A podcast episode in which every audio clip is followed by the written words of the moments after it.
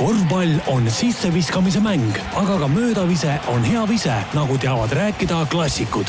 õigel hetkel aitab aja maha võtta ja asjad selgeks rääkida Optibett, sest algamas on korvpall kahekümne nelja taskuhäälingu saade Möödavise. austatud korvpallisõbrad, taas on käes kesknädal ning saame teile öelda siit Manta Maja stuudiost tere tulemast kuulama korvpalli podcasti Möödavise saatejuhtidena on laua ääres seismas Siim Semiskar ja istumas Marko Parkonen. Marko, kuidas sinul on viimane nädal möödunud, kas sa tahad kuulajatega midagi jagada, ennem kui alustame? ei no normaalselt on läinud, lihtsalt äh, vilistati mängud ära jälle. on see nagu tavaline? no eks see selgub lähima tunni aja jooksul siin oli väike vihje juba meie saatekülaliste kohta, aga neid on seekord siis kohal meil lausa kaks. et kui sai ette loetud, et saatejuhte on kaks, tavaliselt meid on kolm, et Karl Rinaldot täna ei ole, seetõttu on meil stuudios ikkagi neli kohta täidetud. esmakordselt meie saate ajaloos siis kaks külalist korraga. ja kui tänase saate vältel kuulete vahepeal teravaid vilesid, siis ärge ehmatage, sest meil on külas kaks Eesti noorema generatsiooni kohtunikku, Alex Talisainen ja Rainis Värv, tere mehed! tere! tere ka minu poolt! Aleksei Rainis, et kas vilemehed liiguvadki ringi ainult baarides ja kolmikutes, nagu ka väljakul mänge ohjatakse või on teil lõpuks peale mängu lubatud koju ka ühekaupa minna?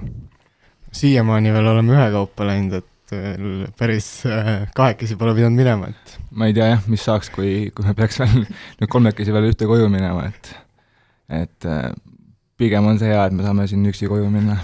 aga miks teid täna siin kaks on, miks mitte kolm? no alati on hea, kui keegi toetab ja on abiks, et äh, kohtunike töö on samamoodi nagu korvpallimäng, et see on meeskonnatöö, et, et igal juhul. me peame alati toetama üksteist nii-öelda heas ja halvas. olen kuulnud, et, et paljudel meistriga mängudel, kui meeskonnad võtavad time-out'i, siis kohtunikud arutavad väljakul kiirelt hoopis, et mis viimases möödaviske podcast'is räägiti, et öelge nüüd ausalt, kui palju Eesti kohtunike hulgas meie saadet kuulatakse? No mina isiklikult tean, et äh, mõned kohtunikud, nii-öelda meistriliiga kohtunikud kuulavad ja mina isiklikult samamoodi kuulan igat saadet, et et asjalikku korvpallijuttu tuleb ja, ja niisugune töö kõrvale või sõidu kõrvale, kui mängule sõidame, on, on hea vaheldus kuulata. ma olen täitsa nõus, et samamoodi viimasele mängule minnes, et ka meil oli podcast peal. aga time-out'i ajal arutate?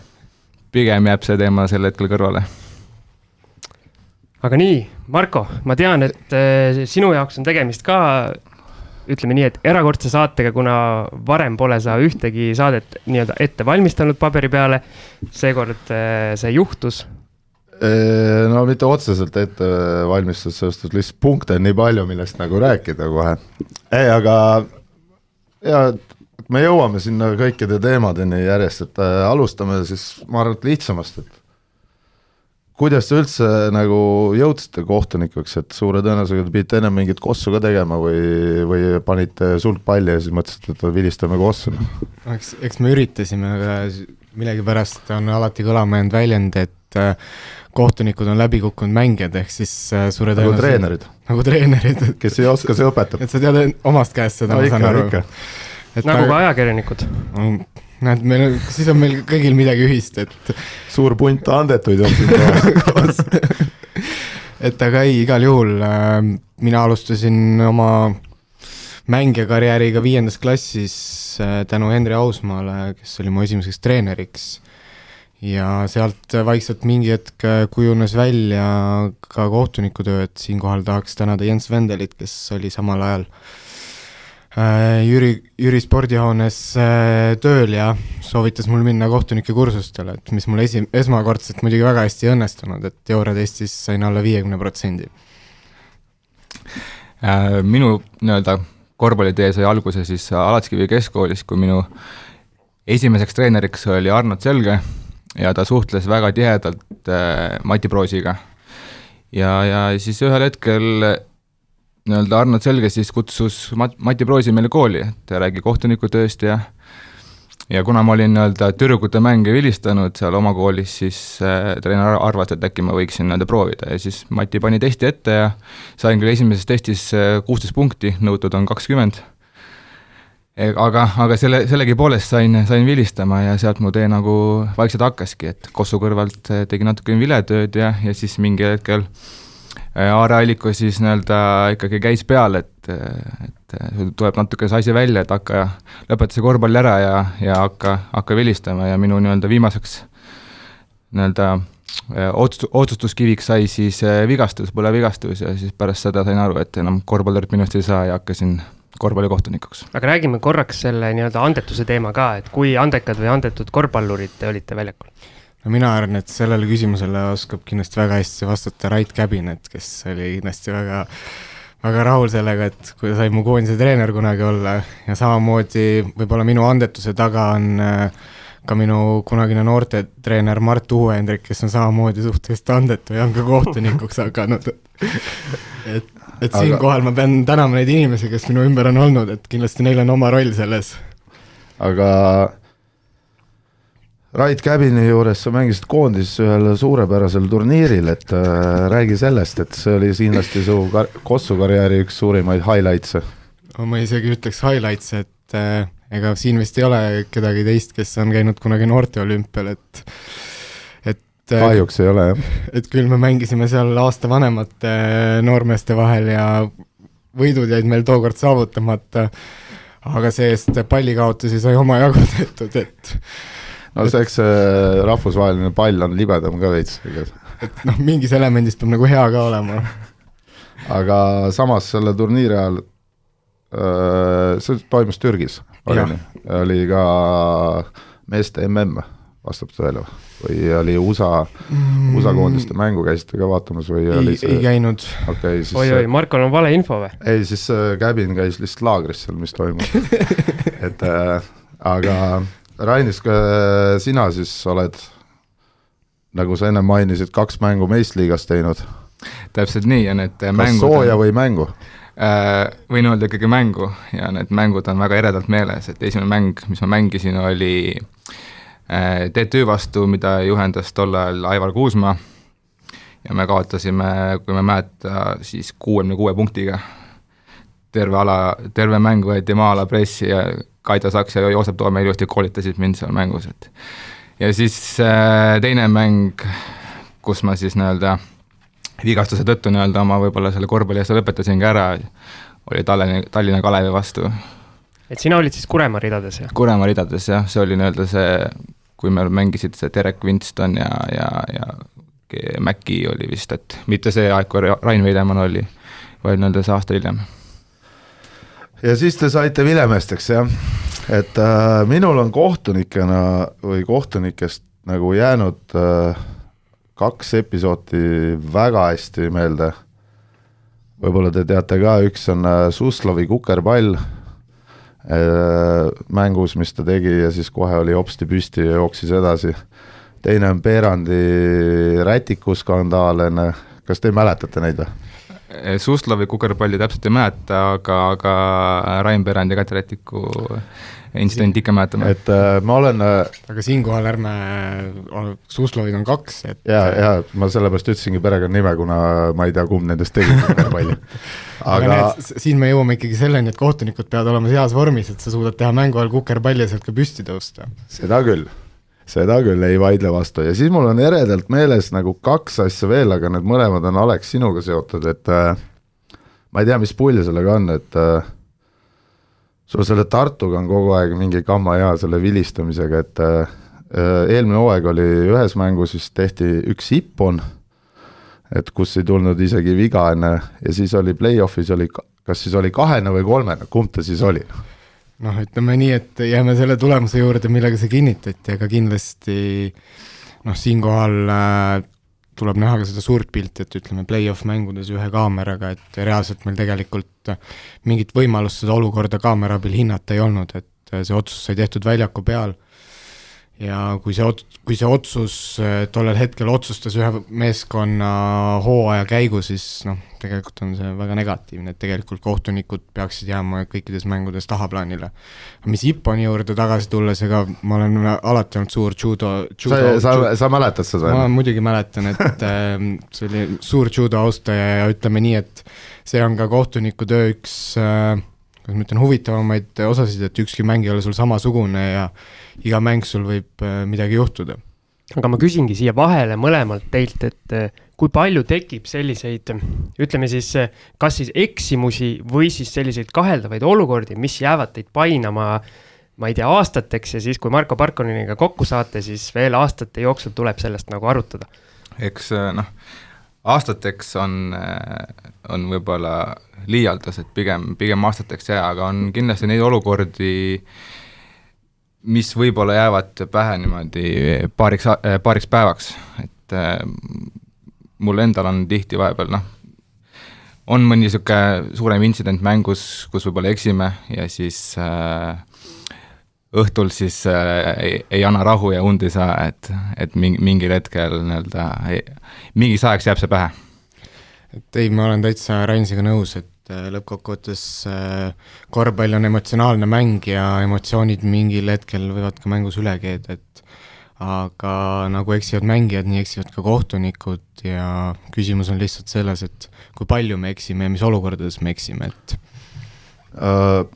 enne me puudutasime siin kahte olukorda, mis Aleksiga mulle meelde jäänud on, on ja ma üritasin nuputada sinu puhul, aga võib-olla ma ei ole sul neid mänge nii palju näinud. ma olen sul liiga hea kohtunik.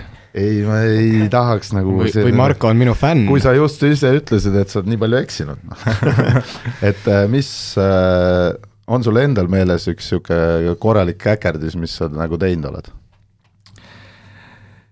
Minul, minul tuleb, minul tuleb, minul tuleb küll meelde, mina kunagi, kui ma mängisin, on Rainis minu mängu vilistanud ja siis tollel hetkel ma olin veel äh, Jüri gümnaasiumis, õppisin ja mängisime koolide vahelisi meistrivõistlusi. ja siis Rainis äh, algaja kohtunikuna vilistas asja, mida ta ei oleks tohtinud vilistada, ehk siis ta vilistas konstruktsiooni, aga ta ei oleks tohtinud sinna vaadata, aga siis noor kohtunik Alex äh, tuletas Rainisele reeglid meelde jah, see oli nii-öelda, ma abistasin äh, oma paarilist, kes ei vilistanud, aga Alex Talisainen siis nii-öelda sel hetkel mänginud või õpetas mind, et sina ei tohi sinna vaadata. aga kui sa räägid nüüd käkerdisest, siis mul üks tuli, üks tuleb meelde küll, see oli väga algusaastatel, kui ma õppisin kohtunikuks. Ma vilistasin suuremate poiste mängu, arvan, et kolm-neli aastat vanemad poisid olid ja ma vilistasin ründavale võistkonna, ei, vilistasin kaitsvale võistkonnale kolm sekundit NBA? no põhimõtteliselt NBA ja ütleme nii, et ma sõitsin nende poistega tagasi Alatskivile ja noh, ma võin öelda, ma nutsin seal bussis nagu, ma sain nagu päris korralikult eh, nagu selle eest, et et see on niisugune suurem käkerdis, mis no, ma kunagi teinud olen, mis eluaeg meeles on. ma kiiresti mainin siia vahele, et eh, kui te mainisite, et teil läheb umbes kahe-kolme päevaga üle need olukorrad, on ju, siis noh, näiteks erinevalt mul, kui ma treenerina olen, kui ma olen ise ära käkerdanud, no ma olen ikka palju käkerdanud et igast vahetuste ja mingite muude asjadega, valed mängijad ja nii edasi, nii edasi. siis näiteks mul on siiamaani närib kaks aastat tagasi suvel EM-il kaotatud mäng Kreekaga, noh. et reaalselt, et ma oleks võinud võita või mis iganes, on, aga see närib nagu tegelikult kogu aeg, et mingi hetk sa jälle mõtled selle mängu peale ja nii edasi, nii edasi. et on niisuguseid olukordasid, mis jääb nagu sisse, no ja neid on, mul on neid ikkagi kõvasti, noh no mina ütleks veel selle juurde, kui sa selle kaks või kolm äh, mängu tõid, et äh, minul juhtus see minu sünnipäeval, et äh, lõppkokkuvõttes oli ajastus oli väga hea ja ütleme, fookus kõikidelt õnnesoovidelt läks selle peale, et kõik lähedasemad sõbrad küsisid, kas Alex oli kahene või kolmene, et et lõppkokkuvõttes see töö saadab meid ka väljaspool korvpalliväljakut ja nagu sa ütlesid, et mõned asjad painavad kauem kui teised, aga aga võib-olla küsiti, kas sa oled kahekümne kolmeseks aga kui te ennem siin rääkisite, et Rainis vilistas Aleksi mängu, kui Alex mängis, siis mina algaja hobikohtunikuna olen ka Aleksi mängu vilistanud ja mina väidaks, et sina, Alex, mängijana olid selline mees, keda sa, kelle mängu sa ise ka ei tahaks vilistada. on see nii? ma olen täitsa nõus sellega, et äh, mu meeskonnakaaslased on ka imestanud, et kuidas äh, minust sai kohtunik, et et olin väga emotsionaalne ja ei suutnud oma emotsioone tagasi hoida, et et aga kas sa kohtunikuna nüüd siukseid mängijaid nagu mõistad kuidagi paremini või oskad reageerida nendele emotsioonidele paremini? kindlasti, et niikaua, kui emotsioonid ei lähe isiklikuks või pahatahtlikuks, et niikaua üritad ikka noh, nii-öelda heal teel selle olukorra ära lahendada, et eesmärk noh, ma loodan, et vähemalt kõikidel meistriga kohtunikel on sama mõtlemine, et eesmärk ei ole kedagi karistada, et et ma siis teen nagu kuulajatele ka selgeks, et kes siis need kohtunikud lõpuks nagu on, et äh, nii kuulajad kui mängijad ja treeneritel ja kõigil, et äh, mul on üks väike lõik võetud raamatust, mis on trükitud Leedus, korvpalliraamat, sellest on aastaid-aastaid möödas, aga siin on väga vajalik info ja nüüd kuulake tähelepanelikult, võib-olla te leiate ka mingisugust seost. ehk siis äh, jutt on kiire ja lühike. kohtunikud, teie abilised mängu ajal, see on nagu alapealkiri siis. peale mängijate ja treenerite on mängust osavõtjate hulgas ka kohtunikud. mul on siin mingi käkerdis selle Soniga, et äh, nemad on mängijale, mängijate abilised päris huvitav, kohtunikud jälgivad, et te õigesti mängiksite. Kir-, kirjutavad üles mängu tulemuse, vaatavad ja teatavad, kunas mäng lõppes. platsil on kaks kohtunikku, väike muudatus on toimunud kolmekümne aasta või neljakümne aastaga. üks neist on vanem kohtunik, teine tema abiline. Neid nimetatakse väljaku kohtunikeks, nüüd tulebki jutt teist nad mõlemad mõlemad vaatavad, et mäng, mängides ei tehtaks vigu kui sa eksid reeglite vastu, vilistab kohtunik kohe ja otsustab, milline karistus sulle selle eest määrata. see lõhnab niisuguse natukene koduvile moodi. väljaku kohtunikud kuulutavad mängu algust ja lõppu, tea, et kohtunik on ka sinu sõber ja ta karistab ainult reeglite vastu eksijaid. ja nüüd on raamatus pandud suurte tähtedega. kohtunikul on alati õigus kuula tema märkusi ja ära kunagi räägi talle vastu, siis näitad end viisakana ja nii edasi ja nii edasi. mina olen äh,, osa tekstiga olen täitsa päri, et äh, mis kolmekümne nelja aasta alati õigus. ei kindlasti, kindlasti mitte, et äh, me eksime samamoodi ja pigem ongi võib-olla siinkohal mängijad võiks mingi hetk mõista nagu e-, rohkem, et ka meie eksime, et äh, aga mis, millega ma olen nagu väga päri, on see, et kohtunik on jätkuvalt äh, teenindav personal väljakul, et lõppkokkuvõttes fännid äh, kõik tulevad vaatama võistkondi, mitte kolme viigipükstes kohtunikku, et et meie eesmärk peaks olema jääda tahaplaanile ja siin on lihtsalt üks lõik edasi on, et kui sa oled ebaviisakas, siis kohtunik karistab sind veel ma ei hakanud seda lugema. seda Marko teab hästi, hästi, see, mis juhtub nagu hiljem. et äh, olen ka ise suurt kohtunikukarjääri teinud, rahvusvahelisel areenil vilistanud ja. me oleme isegi koos vilistanud ju. rahvusvahelisel areenil. me vist rahvusvahelisel ei ole, aga TTÜ-s spordijoones oleme ja, koos, aga... on mul au olnud sinuga vilistada koos. on küll jah, sest et ma nagu jagan neid asju et äh, kuna rahvusvaheliselt ma olen äh, põhja alla saanud, vilistanud ühte suurt turniiri Turus, saanud seal kõvad plekid käe peale, mingi üheksa mängu järjest, lihtsalt ei jõudnud seda raha pärast sinna laeva ära tassida, ehk äh, põhimõtteliselt on niimoodi, et kuna mul oli ka, ma olen olnud litsenseeritud kohtunik ja teinud neid samasuguseid eksameid ja asju, et et kuidas kohtunikel siis litsentsi saamine näiteks käib? Äh, noh, üldjuhul on siis kas siis suve lõpus või, või sügise alguses on meil seminar, et äh, laias laastus siis on, on seminar, kus võetakse mingid eelmise aasta teemad üle. Ja, ja kui on mingeid muudatusi korvpallis, räägitakse need üle. Ja siis on äh, teooriatest mis koosneb kahekümne, kahekümne viiest küsimusest, kust tuleb kakskümmend nii-öelda õigesti vastata, et seal on siis mingi mänguolukorra kirjeldus ja siis vastus on kas jah või ei, et pead sellele vastama. kindlasti väga tähtis osa on ka füüsilisel testil, et meil on üks väga joonejooks on ka. ja, ja sellest äh, sa saadki pärast rääkida, et äh, Rainis räägis siis testi, kakskümmend viis küsimust, kakskümmend peab olema õiged, teed ära, tulevad siis... Euroliiga kohtunikud, teevad pai, ütled tubli, võid no, vilistama minna. kahju, kahjuks sellest testist veel ei piisa, et sa pead olema ka nii-öelda füüsiliselt võimekas, et meil on siis eh, füüsiline test, mida kutsutakse piiksutestiks. okei okay.. ja, ja kus siis tuleb nii-öelda kümme minutit joosta otsast otsani ja sa pead olema seal ühe otsa peal täpselt piiksu ajaks ja aeg-ajalt läheb see piiks järjest kiiremaks, kuni lõpus on nii-öelda, nii-öelda need piiksuvahed lähevad järjest kiiremaks ja sa pead hakkama kiiremini jooksma ja ja testi oled läbinud siis, kui oled oma kaheksakümmend kuus otsa ära jooksnud kümne minutiga. kas selle, ma segan vahele, et selle esimese teooriatestiga ju ei pääse kohe meistriliigasse või euroliigasse või kuidas see nii-öelda nagu trepiastmetel tõusmine käib, et alustad ilmselt nii-öelda kõige kõige-kõigema noorkohtunikuna. no ikka, selles mõttes, et alguses on niisugused minimängud ja, ja noortemängud ja seal hakkad vaikselt õppima ja, ja siis on need äh, rahvusvahelised turniirid Soomes.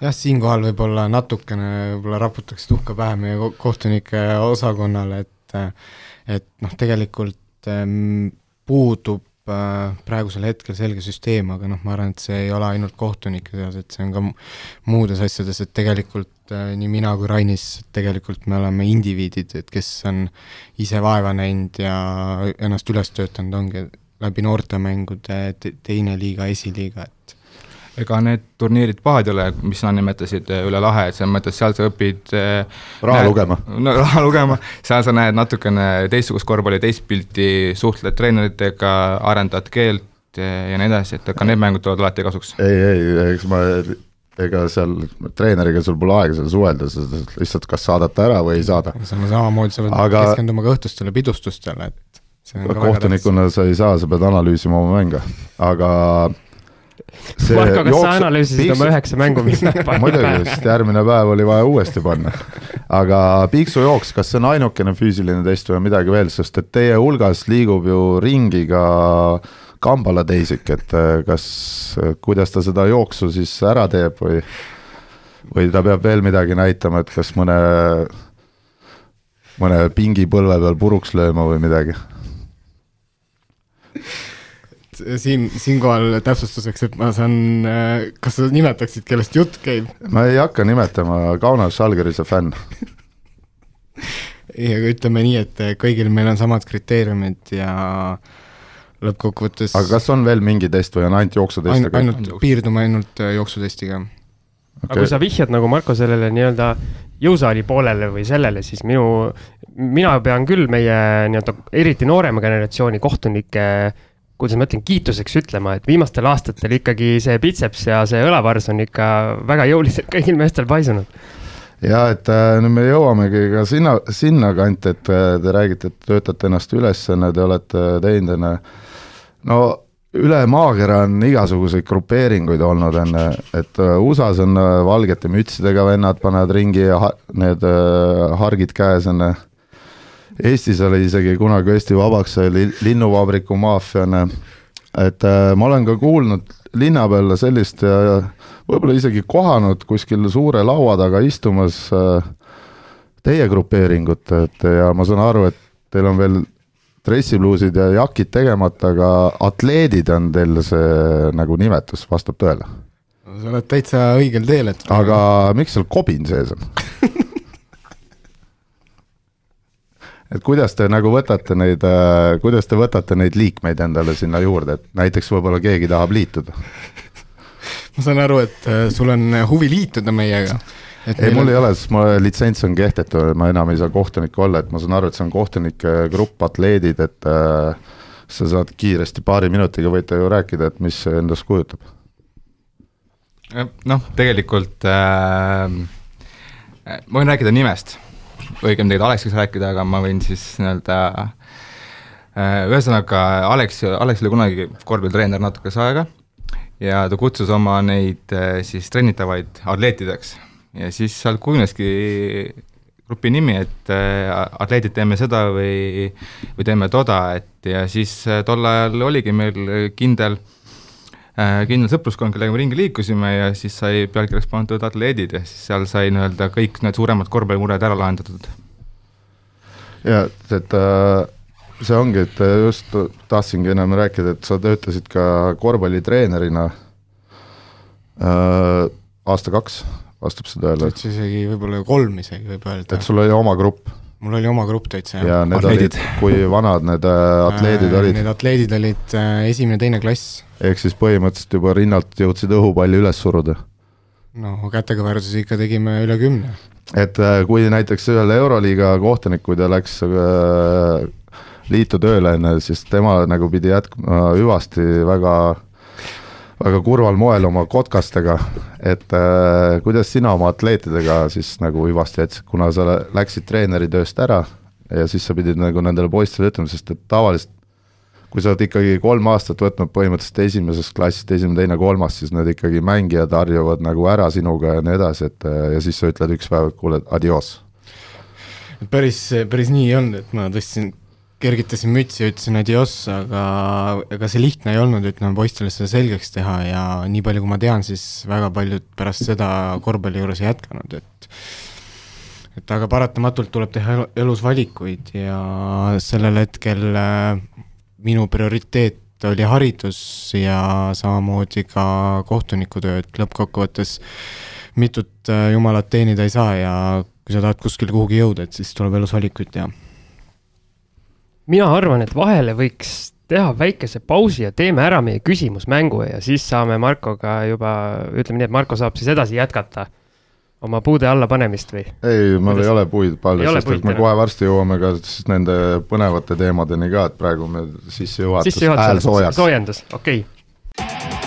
küsimusmängu toetaja on teamshield.com oma disainiga spordi ja vaba aja riided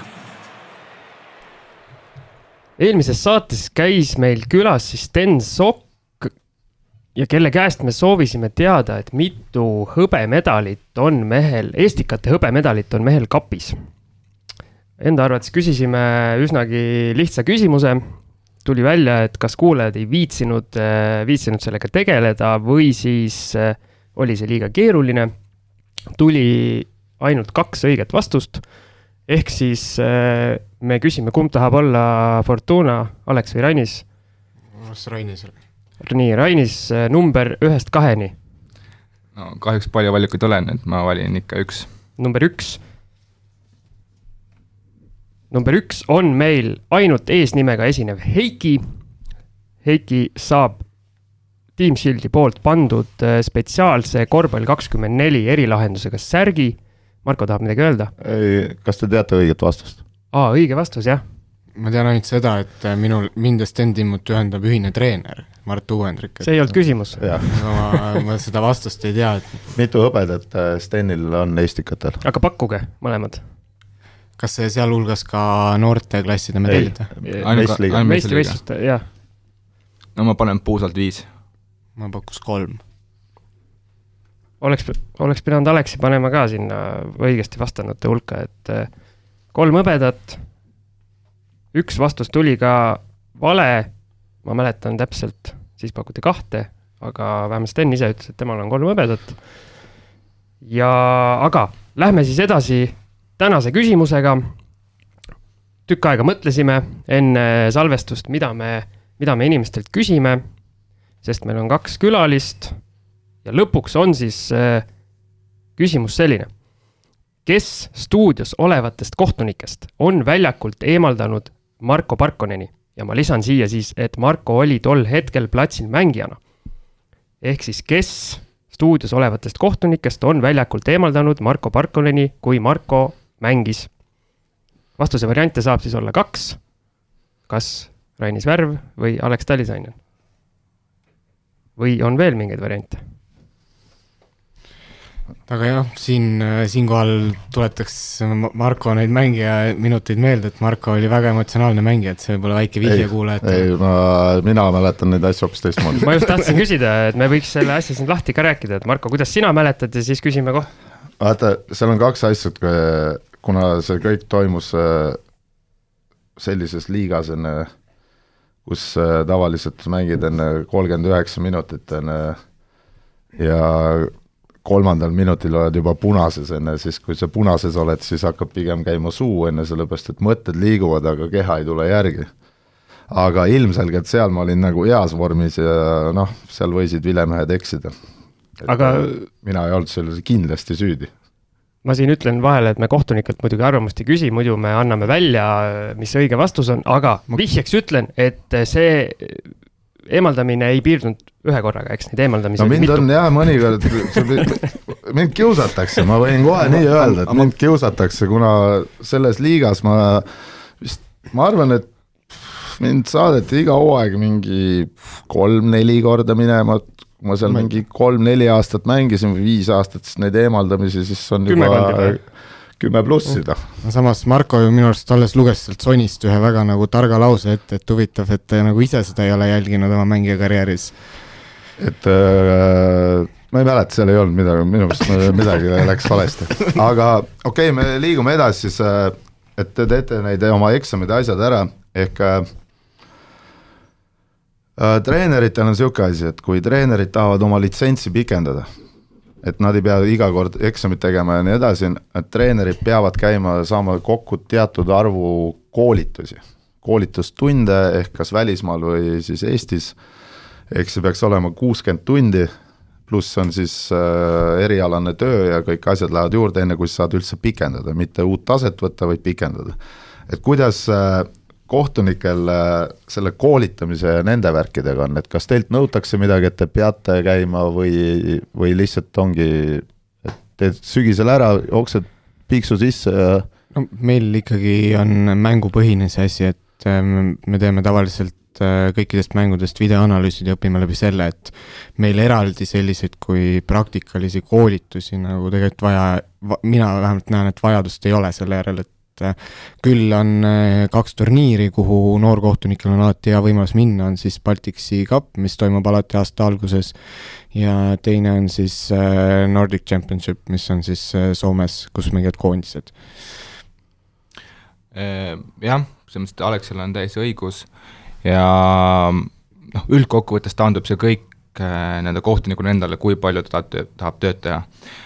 mis on nüüd tänapäeval, no ma räägin nagu vana inimene, aga mis on nüüd sa oledki juba tänapäeval, kakskümmend seitse ju.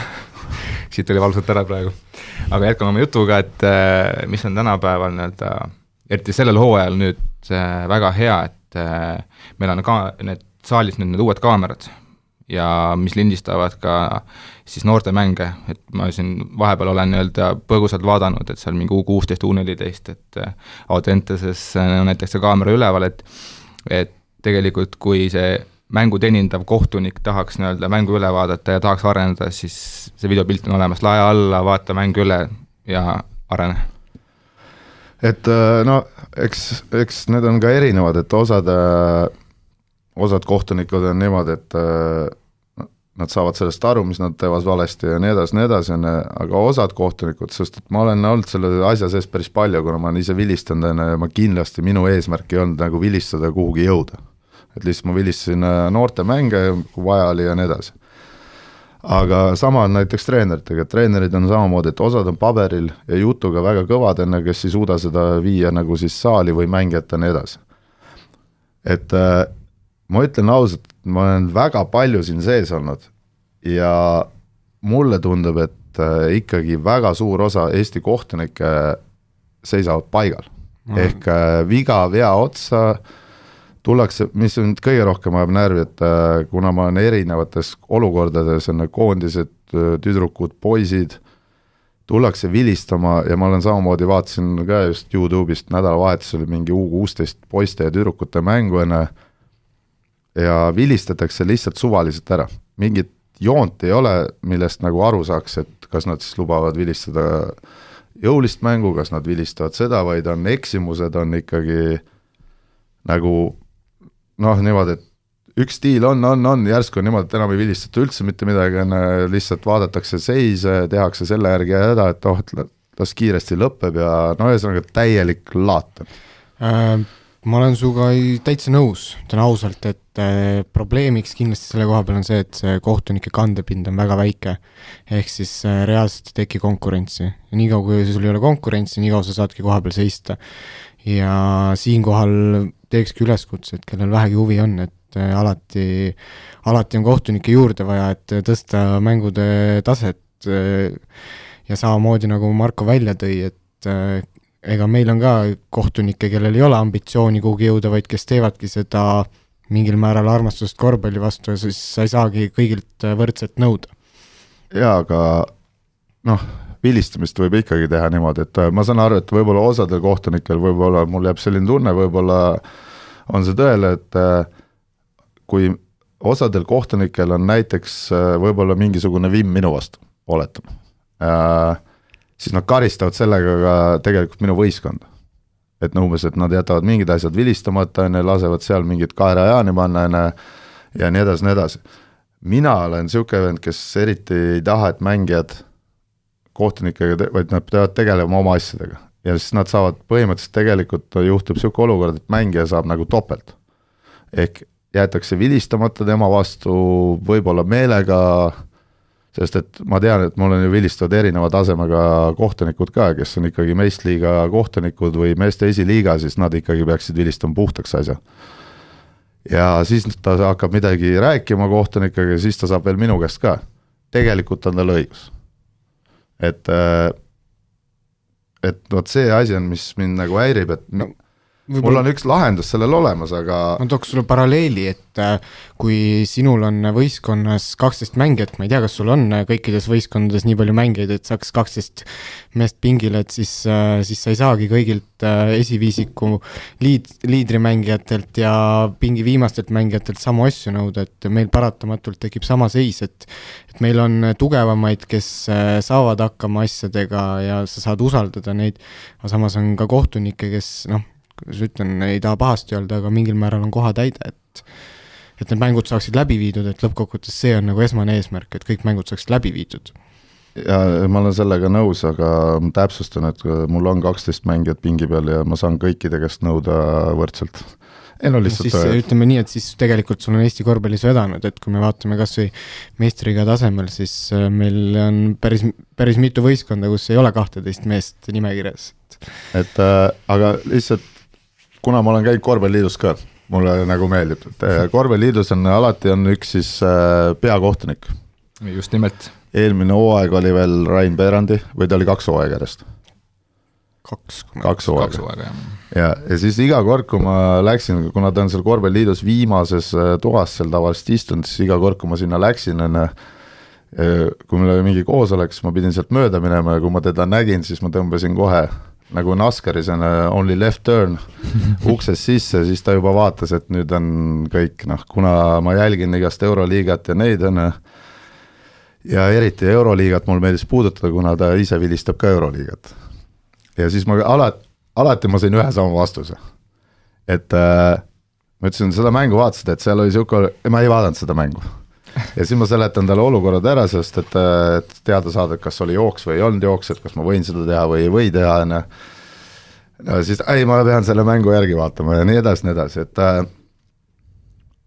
see, mis puudutab näiteks noorteklassi äh,, üks asi on see, et muidugi ma tean, et osad kohtunikud võib-olla ei viitsi neid vilistada, sest et äh, väga palju on amatöörliigasi, kus saab suurt plekki äh,, aga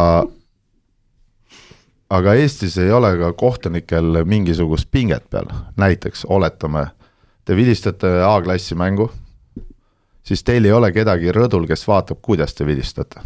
aga seesama inimene, kes peaks vaatama, peab võib-olla ise samal ajal vilistama, et äh, nagu enne ka mainisime, siis probleem on selles, et meil ei ole ressurssi.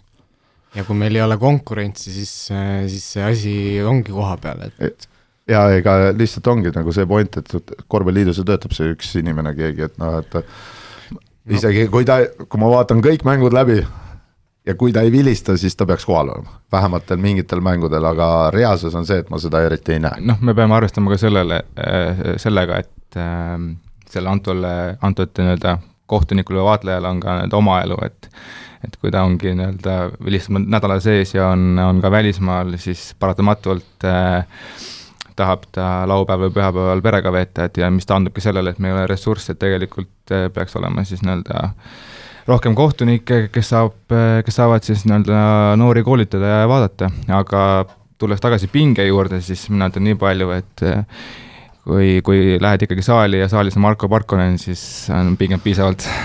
ma just tahtsin küsida nii-öelda võib-olla nii-öelda Marko käest teid korraks päästa, et kui palju on Eestis ükskõik mis tasemetel siis selliseid treenereid, kellega nii-öelda tuleb äh, hiljem äh, mingite asjade üle pidevalt diskuteerida, vastata nende küsimustele, nii-öelda kui palju on selliseid treenereid?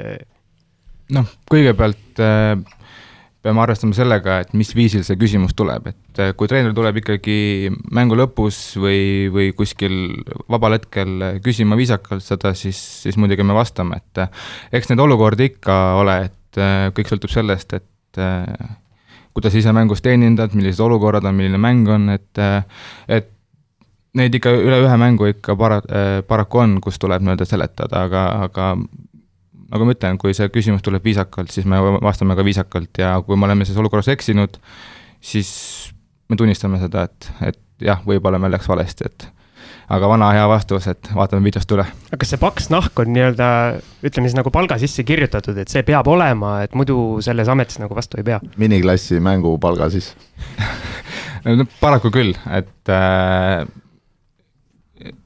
võin, võin öelda, et mina siin mõned aastad tagasi olin natukene suurem pabistaja, et et need äh, mängud on nii-öelda kõvasti koolitanud ja, ja, ja seda paksa nahka on natuke juurde tulnud, et paratamatult peab sul see nahk olema ja peab olema ka nii-öelda funktsioonid ühest kõrvast sisse, teisest välja, et äh, ei tohi lasta nii-öelda segada siis oma mängu kõrvalistest asjadest.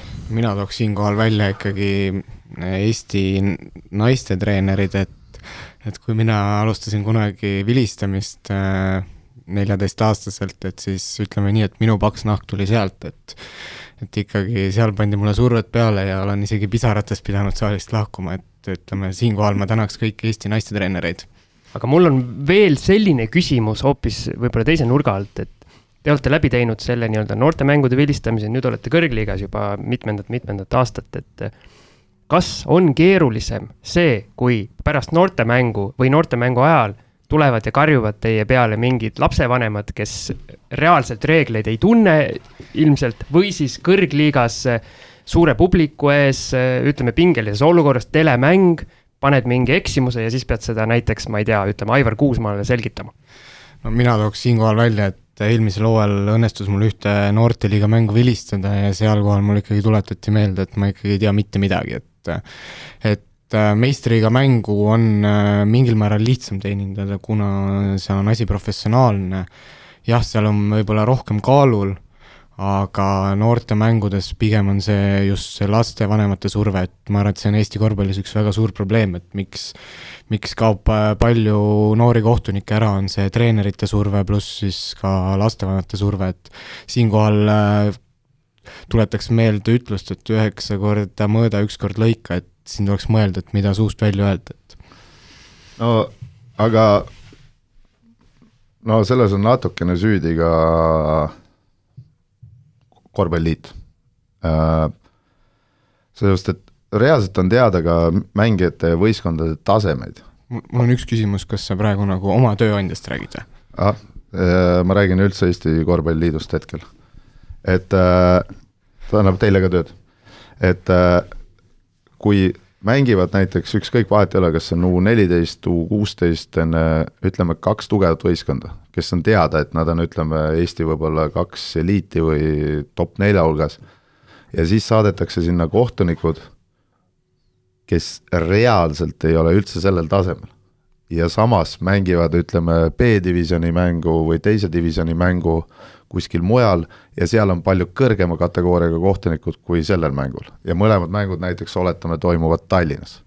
et äh, see on see, mis mina näen, mis on viga, sest et äh, tugevatel mängijad, mängudel, tugevatel võistkondadel peaksid olema ka tasemel kohtunikud, mitte katsetada, sest ma olen juba kuulnud, et see hooaeg on väga palju käest ära läinud erinevates vanustes selle pärast. ma ütlen siinkohal seda, et mul on olnud au töötada regioonijuhina korvpalliliidus ja kui regioonijuhi eesmärk peaks olema määrata kohtunikke mängudele, siis paraku see nii ei ole, et ütleme nii, et lõpuks iga reede oli sul käes olukord, kus sul oli nädalavahetusel kohtunikke puudu ja su ainuke eesmärk oli kõik mängud ära katta, et need mängud reaalselt toimuks.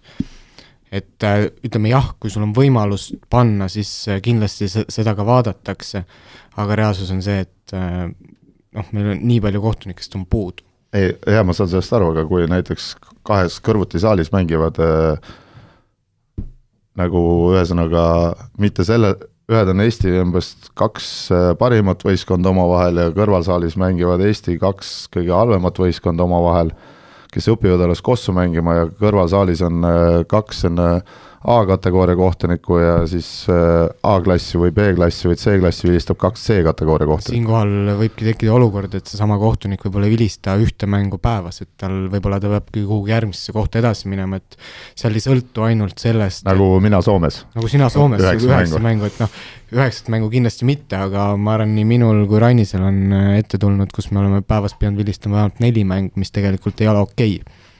Ma võingi siia tuua väga hea näite, kui Alex oli määraja, kuidas mul, minu suurepärane pühapäev algas kell üksteist Sakus. siis ma sõitsin äh, Sakust Jürisse, tegin seal mängu, siis ma läksin kella kolmeks või neljaks, läksin äh, Marko Parkoneni mängu helistama ja ma siis sa lõpet-, olid juba väsinud. siis ma olin väsinud ja ma lõpetasin äh, äkki oli ka seitse õhtul Viimsis teise liigaga aga mis oleks lahendus, kuidas saaks Eesti korvpall juurde kohtunikke? me noh, nagu siin on toodud välja, et eh, eks need korvpalliklubid peavad eh, võib-olla nii-öelda natuke rohkem push ima või noh, nagu mina ütlen, mina tulin samamoodi, kutsuti lihtsalt eh, nii-öelda Mati Proos minu kooli rääkima, Mati Proos rääkis korvpalli eh, kohtuniku karjäärist ja, ja kuidas tema nende vilistanud on ja, ja tekkis huvi, et et võib-olla peaks rohkem seda kohtuniku teemat eh, veel rohkem esile tooma siinkohal võib-olla natuke vahetaks rolle ja ma küsiks ise saatejuhtidelt, et äh, mõlemad saatejuhid on põgusalt maininud, et nad on ise tegutsenud korvpallikohtunikena. et äh, miks äh, teie see kohtuniku töö siis katki jäi, et miks te otsustasite sellest loobuda? minul on väga lihtne vastus, mina olin liiga äpu ja ma ei, ma ei saanud hakkama selle pingega. Äh, sellepärast, et äh, kuna mul treeningsaalis oli nii palju tegemist äh, ja võistlusi nii palju, siis sellepärast ma ei näinud mingit põhjust, et ma pean õhtul kell üheksa veel mingeid mänge vilistama. ja kuna minu prioriteet oli ikkagi olla treener, ennast seal arendada, siis äh, see kohtunike äh, värk oli kõrval, aga sa ütled, et ma kohtunike juurde klubi peaks tegema, aga tegelikult kuidas ma kuidas ma ütlen oma mängijale, kes on äh, noh, mäng, mängumeest ei tule, et kuule, proovi kohtuniku ametit, kui ta näeb vastasvõistkonna treener sõimab kohtunikku, et noh, siis ta vaatab niimoodi, et ei, ma võib-olla ikkagi ei taha kohtunik ma olla. arvan, et siinkohal sa peaksid küsima Mardi, Mart Uuendriku käest nõu, et kuidas ta suunas, et minust sai kohtunik, et aga ma just tahtsin Marko käest küsida seda, et eh, nagu sa ise küsisid kohtunike käest, et kuidas eh, saaks neid mehi vilistama juurde, kui sinusugused eh, kõva häälega, kõvahäälsed treenerid kogu aeg neid grillivad. oot, oot, oot, oot, kõigepealt äh, mina olen üks väiksemaid treenereid väljaku ääres on nii või? äh, viimased kolm aastat ma olen äh, kogu aeg tõmmanud allapoole, ei no on ka üksikuid hetki, onju, Mhm. aga ma tavaliselt panen siis puid, kui kui seal on juba paar viga sees. Äh, ütleme nii, et noh, mina ei ole nii-öelda põhiline Tallinna poiss, et mina ikkagi tulin, tulin mingil hetkel Tallinnasse ja, ja kui ma hakkasin Marko Parkoneni mänge vilistama, siis ma alguses sain ikka päris kõvasti sealt. et äh, siinkohal võib-olla ei tahagi manitseda, võib-olla peakski üldse, üldse tänama, et et ma neid nii-öelda puid sain, et äh, kui me rääkisime enne paksust nahast, siis äh, ma arvan, et Marko Parkonen on üks, kes mul selle nii-öelda paksu naha on kasvatanud kusjuures mina oma kohtunikukarjäärist mäletan ka, et kõige parem oli õppida nende kärehäälsete treenerite, ütleme siis kriitikast, et mind õpetas väga palju vilistama läbi selle näiteks legendaarne Jaanus Levkoi, tänu kellele ma nii mõnda reeglit eh, siiamaani une pealt tean. et jah, sealkohal äh, alati, mina olen ka tänulik nendele treeneritele, kes on suunanud tähelepanu siis õigetele asjadele, aga kahjuks on äh, ka treenereid, kes äh, muutuvad isiklikuks, et see on see, mida kuidas me ütleme, töötame ühise eesmärgi nimel ja kui me hakkavad suusad risti minema, siis äh, lõppkokkuvõttes ei võida sellest mitte keegi. aga on teil meenutada mi- mingeid ägedaid seikasid või midagi oma nii-öelda nüüd juba pikast nagu kohtunikukarjäärist, ma võin ette rääkida sihukese loo, kuidas mina noore kohtunikuna kunagi käisin ühes Eesti, Eesti väikekohas vilistamas. mäng oli üsna emotsionaalne noortemäng, ma enam ei mäleta, mis vanus see oli, ma ei tea, kümmekond aastat tagasi kindlasti. Ja pärast mängu äh, tungis äh, kohtunike riietusruumi üks äh, lapsevanem, ema, kes äh, tundus, oli veidi alkoholi tarbinud, tungis uksest sisse ja selgitas meile, kuidas meie peame minema, minema ei olnud seda ühesõnaga selgitas meile, kuidas meie peame minema ja lugema reeglid äh, üle, mis puudutavad jooksu. Minul on äh, küll üks väga hea olukord, mis on mul siia äredalt äh, siiamaani meeles, et äh, enne ühte hooaja tähtsamat mängu selle võistkonna jaoks, siis äh, selle võistkonna treener tuli, istus minu kõrval, ütles, et et teada oleks, et äh, sinust võib saada järgmine Aare Alliku, et noh, siis me olime niisugune noor kohtunik ja noh, kuulasid ikka kõrvad kikis ja ja siis sai see mäng läbi ja siis äh, küsiti, et kes, kes võiks äh, selle mängu MVP-d olla, siis äh,, siis see treener ütles, et vali üks või teine kohtunik, et lõppkokkuvõttes niisugune, kuidas ma ütlen, väga kahepalgelisust on ka palju. Okei okay,, aga oot-oot-oot, Rainisel on ka hea lugu. mul on ka üks hea lugu, see on paar aastat tagasi klubis ei nimeta, aga helistasin ühte noortemängu noorkohtunikuna, noorkohtunikuga ja, ja seal oli üks väga häälekas lapsevanem. ja kuna see kõik to-, toimus nii-öelda ühel tasandil, väikses saalis, siis seal lapsevanem oli nii-öelda juba mängu ajal nii-öelda põhimõtteliselt väljaku peal oma jalgadega ja siis ühel hetkel, kui ta arvas, et kohtunik eksis, minu paariline, tõusis ta püsti selle kohtuniku ette mängu ajal ja hakkas sõimama. Mina siis pidasin mängu kinni, ütlesin, et äh, palun, et äh, enne mänguga edasi ei lähe, kui te olete saalist lahkunud ja siis äh, läks seal viis minutit mööda ja, ja, ja lõpuks ikkagi nii-öelda teiste lapsevanemate toel äh, äh, saime ta saalist välja ja pärast mängu siis äh, lapsevanem tuli tagasi saali ja ütles, et ma ei saa mitte kunagi meistriliiga kohtunikuks. Tahaks ühe veel, ma tegelikult olen tänulik, et mul siiamaani veel hambad suus on, et siin on ka üks Läheb karmimaks. et siin äh, üks äh, noortetreener on äh, kunagi paar aastat tagasi, kui ma, mina juba olin meistriga kohtunik, lubas mul hambad kurku lüüa, et pärast seda, kui ma olin ta mängust eemaldanud, et et äh, lausa ka... läheb nii hulluks asi või? jaa, et täitsa, täitsa, täitsa läks nii hulluks ja lõppkokkuvõttes päädis see sellega, et äh, ma sain sellega isegi ka lindistuse peale, kui ma hakkasin spordihoonest lahkuma, aga aga jah, mis sa ikka, ütleme, kohtuniku töös peab olema kõigeks valmis, et äh, paratamatult on eri, sa pead kokku puutuma väga erinevate indiviididega. kas nüüd on nagu sinu varustuses hambakaitsmed ka, ma saan aru?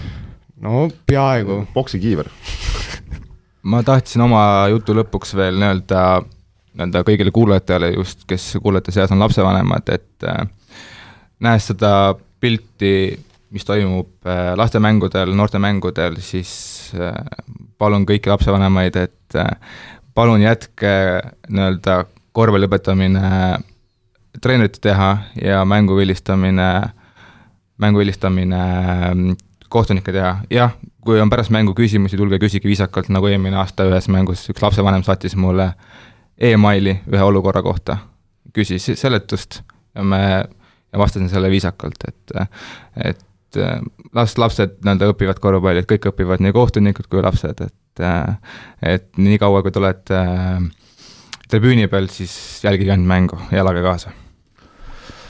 Aga ma arvan, et äh, meil oleks vaja ära klaarida üks võib-olla kõige põnevam asi, noh, mis, äh, mis nagu, mis nagu üldse toimub nagu põhimõtteliselt iga kord, kui te vaatate korvpalli, Euroliigat, äh, rahvusvahelist taset, mis iganes, siis käib läbi kogu aeg niisugune asi, et äh, peaks videot vaatama, peaks videot vaatama ja no põhimõtteliselt mulle tundub, et ei ajakirjanikud või tähendab, kommentaatorid äh, paljud treenerid isegi meistriliigas, mitte ainult nagu Eestis, vaid üldse näitavad kogu aeg, et nagu iga asja peale peaks videot vaatama ja nii edasi, nii edasi, et äh, me peaks ikkagi kiiresti rääkima lahti, millal võib vaadata, millal ei või vaadata, sest meil on äh,, jätame lõppu selle olukorra Prantsusmaa, Leedu MM-mängus, kui Valanciunas viskas vabaviset, et siis pärast arutame, et mis seal oleks võinud teha ja mida mitte nii, alustame, paneme kohe kirja.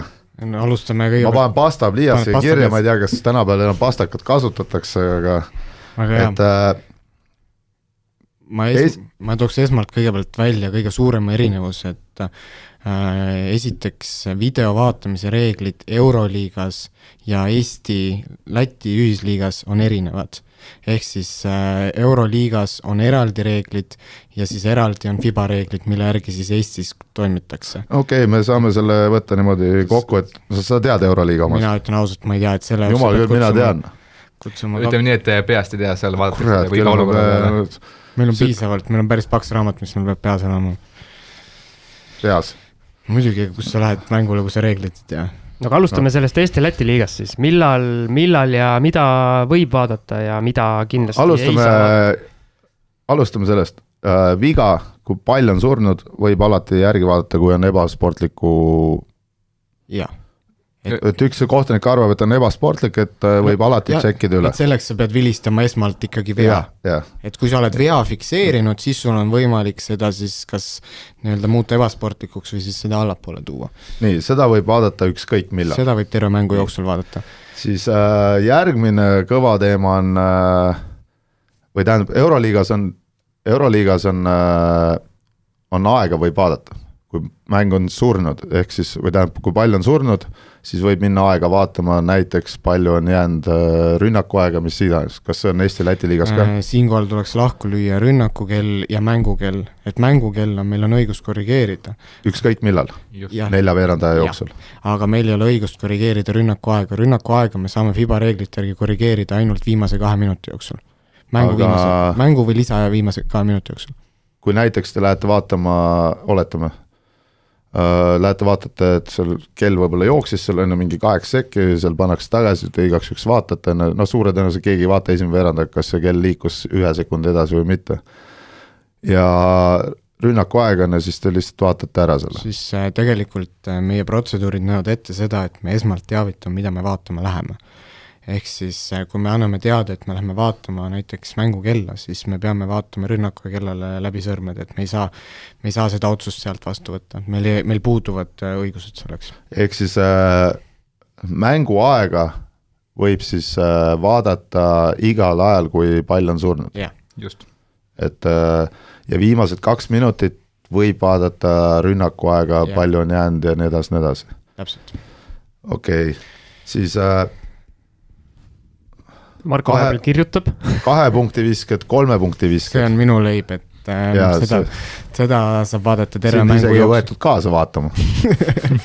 et seda saab vaadata terve mängu jooksul, aga ka samamoodi, et selleks peab olema pall siis surnud.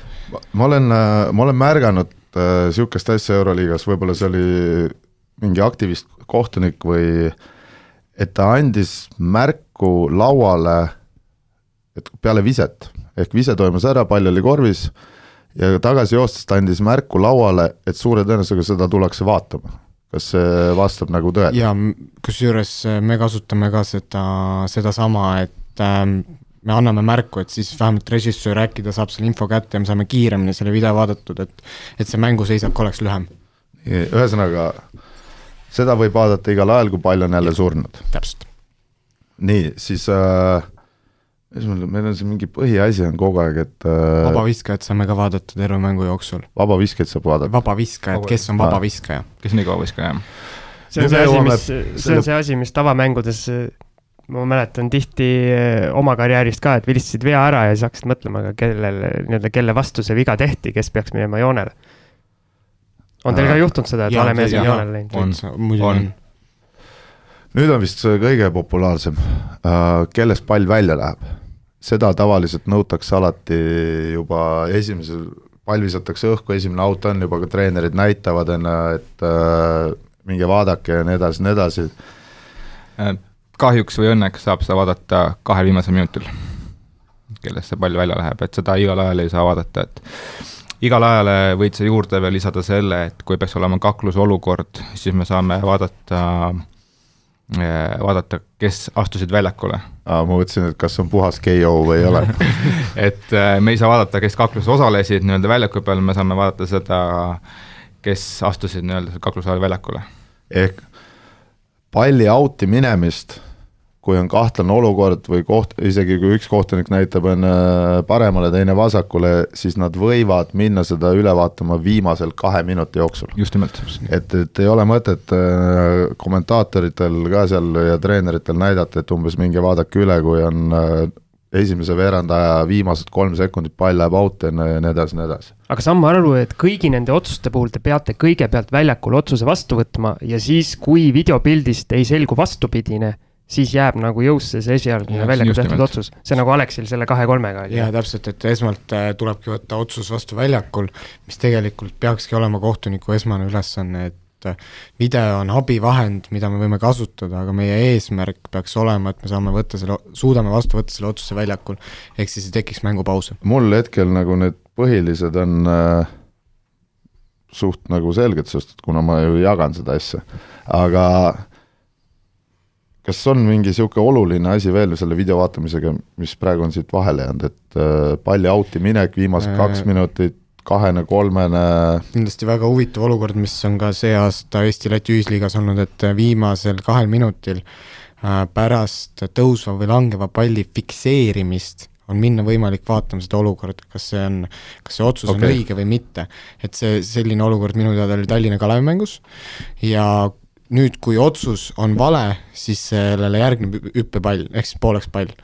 et see on niisugune asi, aga selleks, et seda vaadata, tuleb võtta vastu otsus.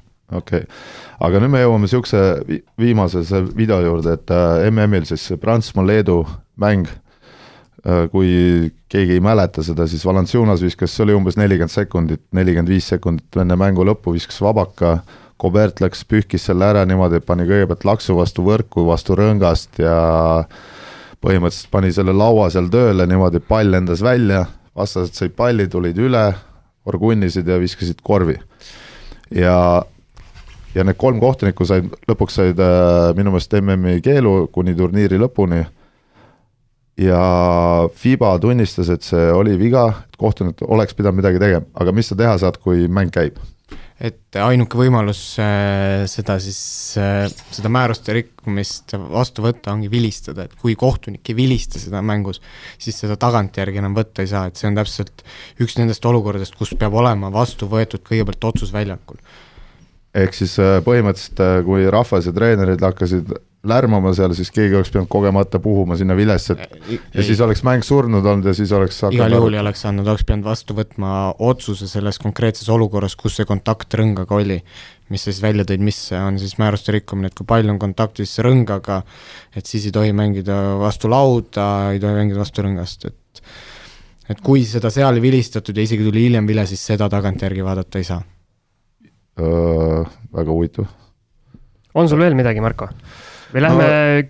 veel kiirelt, meil on tund aega täis, et keer-, teeme kiirelt rubriigid siia lõppu ära ja uh,. mul ikkagi veits jäi segaseks see värk, et uh, kui see otsustab mängu saatuse, võib-olla, et noh, ma ei ole kindel, kas ta see mäng otsustab, kuna sealt ei tulnud selget kiirrünnakut, et uh, puudutati korvi, kohtunik, kohtunik ei vilistanud, aga kui ta oleks vilistanud, öelnud, et no siis ta oleks pidanud vilistama korvi ja siis ta oleks saanud vaatama minna Äh, siis ta minu teada seda kui ta oleks vilistanud korvi või näiteks ütleb, et äh, mingi jama oli, et ma lähen nüüd tšekkima enne seal kellegagi arutan. ta oleks, ta oleks saanud seda vaadata, kuna mäng on surnud. jah, siis see on interference, siis ta oleks saanud minna vaatama, kas see otsus, mis ta vastu võttis, oli õige. kui nüüd see pall oleks olnud tollel hetkel, oleks see otsus vale olnud, siis oleks jätkatud hüppepalliga okay.. aga selleks, et ma, nagu ma eelnevalt ka mainisin, peab olema vastu võetud otsus olukorras, et tagantjärgi seda vaadata ei saa. ühesõnaga, Marko, kui mäng läks edasi, siis pärast enam äh, ei olnud mitte midagi teha. jah, kahjuks ei ole ja, nagu. ei no seda ma tean, et äh, vaatajad võib-olla ei tea, sest et äh, mina tean, et kui mäng käib edasi, siis ei ole nii, et vahepeal üks mees käib kuskil kaamera taga ära. et sina ei hakka siis näppudega seda ruutu näitama kohtunikele? ma, ma tean, et nad nagunii vaatavad. kusjuures ütlen veel vahele, et see näppudega ruudu näitamine, see on jalgpallis, sest et äh, korvpallis on see ühe näpuga Niimoodi. ring, ringi imiteerimine. jah, see on äärmiselt niisugune kummaline, kummaline žest selle vaatamise jaoks, sellepärast ilmselt kõik teevad seda nii-öelda ekraanikujutist. et nüüd äh, kuulajad teavad, mis see tähendab, kui kohtunik viibutab näppu ja teeb häbi, ringi häbi. peale häbi, häbi, häbi, sest et no natukene on, aga, aga jah. no väga tore, teeme siis need rubriigid siia otsa ära ja. aeg on välja selgitada nädala tegija. jaa, nädala tegija valisime Facebooki grupis, korvpalligrupp taaskord ja seekord oli hääletus üsna põnev, kuna ühtegi sihukest väga väljapaistvat äh, ja eraldiseisvat äh, nädala tegijat ei tulnud. kõige rohkem poolehoidu teenis sel korral Simon Sutt, kelle tegemised siis Austria kõrgliigas läksid korda peaaegu viiekümnele inimesele, täpsemalt nelikümmend kuus esikolmikusse mahtusid veel Rakvere Tarva kukutanud TalTechi tagamees Sten Olmre kaheksateist häälega ja Itaalia kõrgliigas stabiilseid esitusi tegev äh, Siim-Sander Vene kuueteist häälega. aga Sutt ja tema meeskond Oberwart Gunners vist siis tuleb hääldada, on alustanud hooaega viie võidu ja ühe kaotusega ja viimases liigamängus äh, sai Sutt hea visketabavusega siis kirja seitseteist punkti ja viis lauapalli ja sellel eelneval, eelneval mängul kogus kahekümne nelja aastane eestlane viisteist silma, et Rainis, et ma nägin, et sinu hääl oli ka Suti poolt antud, et eh, miks selline valik? Äh, teised panid? jah, teised panid, ei tegelikult eh, eks me kohtunikena ka jälgime nii-öelda muud korvpalli ja ja mulle tundub, et Simon on järjest nii-öelda rohkem hoogu sisse saamas, et mäng mängult järjest paraneb, paranevad visketabavused ja, ja, ja, ja nagu me lugesime ühest intervjuust, et treener on ka väga rahul. Marko, mitut, mitut Simon Suti mängu sina oled vaadanud? null. null, aga statistika järgi, kuidas sa hindad, kas ta tegi õige sammu, et ta läks siit Eestist äh, Austria liigasse, mis ilmselt ei ole Euroopa nii-öelda kõige tugevamate hulgas, et? no Simon Sutt on üheksakümmend viis aasta sündinud, ehk siis ta on kakskümmend neli, no ideaalis ikkagi kui sa kossu mängid, siis võiks vähemalt ühe aasta välismaal ära proovida, kui on selleks võimalus, nii et äh, ma arvan, et selles suhtes ta tegi õige käigu. mängija profiil, üks inimene, erinevad vaatenurgad. ja nüüd on käes meil mängija profiili rubriik. kuna hetkel on meil stuudios kaks kohtunikku, siis otsustasin äh, nii-öelda mängija profiili rubriigis võtta ette ühe, ühe tippkohtuniku ja valisin lätlase Oleks Latiševsi, kes ma arvan, teile on väga tuttav mees, on nii? jah, loomulikult. et tegemist on siis kolmekümne üheksa aastase mehega, kes äh, Vikipeedia andmetel vilistamist alustas juba viieteistaastaselt. Alex, millal sina alustasid? ma olin neliteist, nii et ma olen aasta ees. vot, siit äh, nüüd pange tähele, mis ma Latiševsi kohta räägin, siis äh, ilmselt Aleksi kohta tuleb see nagu duubeldades hiljem ühesõnaga alustas viieteistaastaselt ja juba kahekümne aastaselt vilistas ta Läti kõrgliigat Alex? ka kakskümmend. no seal juba. juba aasta juba oled kuskil pikutanud Fiba litsents sai mehel kahekümne kolme aastaselt. kahjuks seda võimalust enam ei ole, et äh, miinimumvanus on kakskümmend viis. no vot ja. juba kaks aastat miinust aasta oli siis kaks tuhat kolm ja kaks tuhat neli alustas Latissev siis juba Fiba tippturniiridel ja alates kahe tuhande viiendast aastast on mees vilistanud kõikidel EM-finaalturniiridel, osalenud kahel MM-il, äh, vilistanud kokku üheksa hooaega Euroliigas, millest viiel ka Final Fouri ja kaks tuhat kaksteist ja kaks tuhat kuusteist äh, teenindas mees siis ka olümpiaturniiri kuidas on see võimalik, et äh, Lätis tuleb niisugune kohtunik, kes teeb nii noorelt ja nii, ütleme siis, vägeva karjääri? kindlasti siin on äh, suur töö selle taga, et äh, teades ja nii palju, kui mina temaga kokku olen puutunud, siis on tegu üsna enesekriitilise kohtunikuga, kes julgeb tunnistada oma vigu ja samamoodi teeb ka väga palju iseendaga tööd, et Äh, sa mainisid siin nii Euroliigat kui ka FIBA turniire, et kahjuks praegusel hetkel äh, saab ta vilistada ainult äh, Euroliiga mänge, et viimasel MM-il ühtegi Euroliiga kohtunikku ei osalenud, et Marko, kuidas sinu nii-öelda kokkupuuted Latiševsiga on, kas tema ka eksib? kindlasti kõik eksivad, aga kui ta julgeb tunnistada seda, siis nagu see on juba see on juba päris hea, sest paljud on niimoodi, et hakkavad seesama raamat, mis Aleksile on pähe õpitud, raamatu juttu rääkima, siis on niimoodi, et no joh ei tii, et üks asi on raamatus, teine asi on äh, olukorrad äh, väljaku peal. et äh, ja ma olen isegi Euroliigas pannud tähele, kus ta seal on paar korda, paneb veits puusse, aga noh, eks nii ta läheb, noh, mängijad viskavad mööda, treenerid panevad puusse ja nii edasi, nii edasi, et Sam-, samas tuleb see krediit välja teenida, et äh, kui sa teed asja ausalt ja ja annad endast alati maksimumi, siis, äh, siis ka austus sinu suhtes kasvab, et tema jah, nii palju, teda eriti ei pane tähele, et ta mänge vilistab. siis on hästi, siis ta äh, vilistab hästi. et äh, ainuke tähelepanek, mis tal tuleb, on kas on üks mingi käkerdis või siis, kui ta seisab Obradovitši ees, siis nagu näed, et sest et Obradovitš räägib nagu terve mängu lahti, kuidas peaks kõrva sisse aga kohtunikud, kui keeruline on äh, mängu ajal kogu selles emotsioonides minna treeneri juurde ja öelda, jah, sorry, et mina eksisin ja teine küsimus sinna otsa, kui hästi see info tavaliselt vastu võetakse? see, see kõik nii-öelda esiteks taandub äh, treenerile, kellele sa seda nüüd infot nüüd andma lähed, et äh, samamoodi olukord, et kui see on mingi mängu otsustav olukord, siis ilmselgelt me kohe ei lähe ütlema, et äh, et et me panime väheke puusse, et et kui treener küsib mingi olukorra kohta, küsib suhteliselt rahulikult, me mängu ajal märkame seda ja me nüüd eraldi tema juurde ei lähe, aga kui peaksime tema ette sattuma ja ja tekib meil diskussioon, siis me võime seda sõbralikult mainida, et kuule, et võib-olla meil läks natukene valesti seal, aga aga kindlasti me ei jookse nüüd kohe nii-öelda ütlema, et kuule, et me eksisime, et et paraku tuleb vahepeal minna ka seletama mingi suuremat olukorda, kus ongi suur eksimus, tuleb minna rahustama, aga seal me nii-öelda rahustamegi olukorda, et seal me ei hakka rääkima, kes mis vile tegi. aga suure tõenäosusega me peame siin otsad kokku tõmbama, mul on teile üks hea soovitus, et vilistate näiteks meistriliigat, panete puusse. on see võimalus juba täna? jaa, täna õhtul enne panete puusse kui treener võtab teid ette enne, siis ütlete, sorry, minu viga, aga ma teen sulle kaks vilet tagasi. Ah, see on nagu see, et osta kaks, eh, saad kolm või? jah, et eh, siis ma, uskuge mind, treenerid on palju rahulikumad, kui te ütlete, et okei okay,, ma kuskilt otsin sulle kaks korda tagasi. Siis ma loodan, et mul, mind määratakse sinu mängule see hooaeg ja siis ma saan sulle seda öelda, et vaatame, kuidas sa reageerid punkt punkti mängus sellele. jaa Äh, ma olen sellega nõus, kui kaks korda tagasi on punkt punkti mängus. ma järgmine nädal tulen juba, juba sulle külla, nii et, et siis. pühapäeval on mul mäng. aga ennem kui me nagu päris otsad kokku tõmbame, ma tahan väikse sihukese nii-öelda krutskiga küsimuse ka esitada ja teid veidi pinge alla panna. et äh, meil on hetkel kaks Euroliiga kohtunikku, on mul õigus, Aare Alliku, Rain Peerandi. just nimelt. millal on äh, Euroliiga debüüt Rainis Värvil, millal on Euroliiga debüüt Alex Tallisainil, palun äh, hooaega ja muud ei olegi, mis hooajal? Äh, kahjuks ei saa seda ette ennustada, et kindlasti me mõlemad tahame äh,. paraku on seal vaja natukene ka õnne, sa pead olema õigel ajal õiges kohas.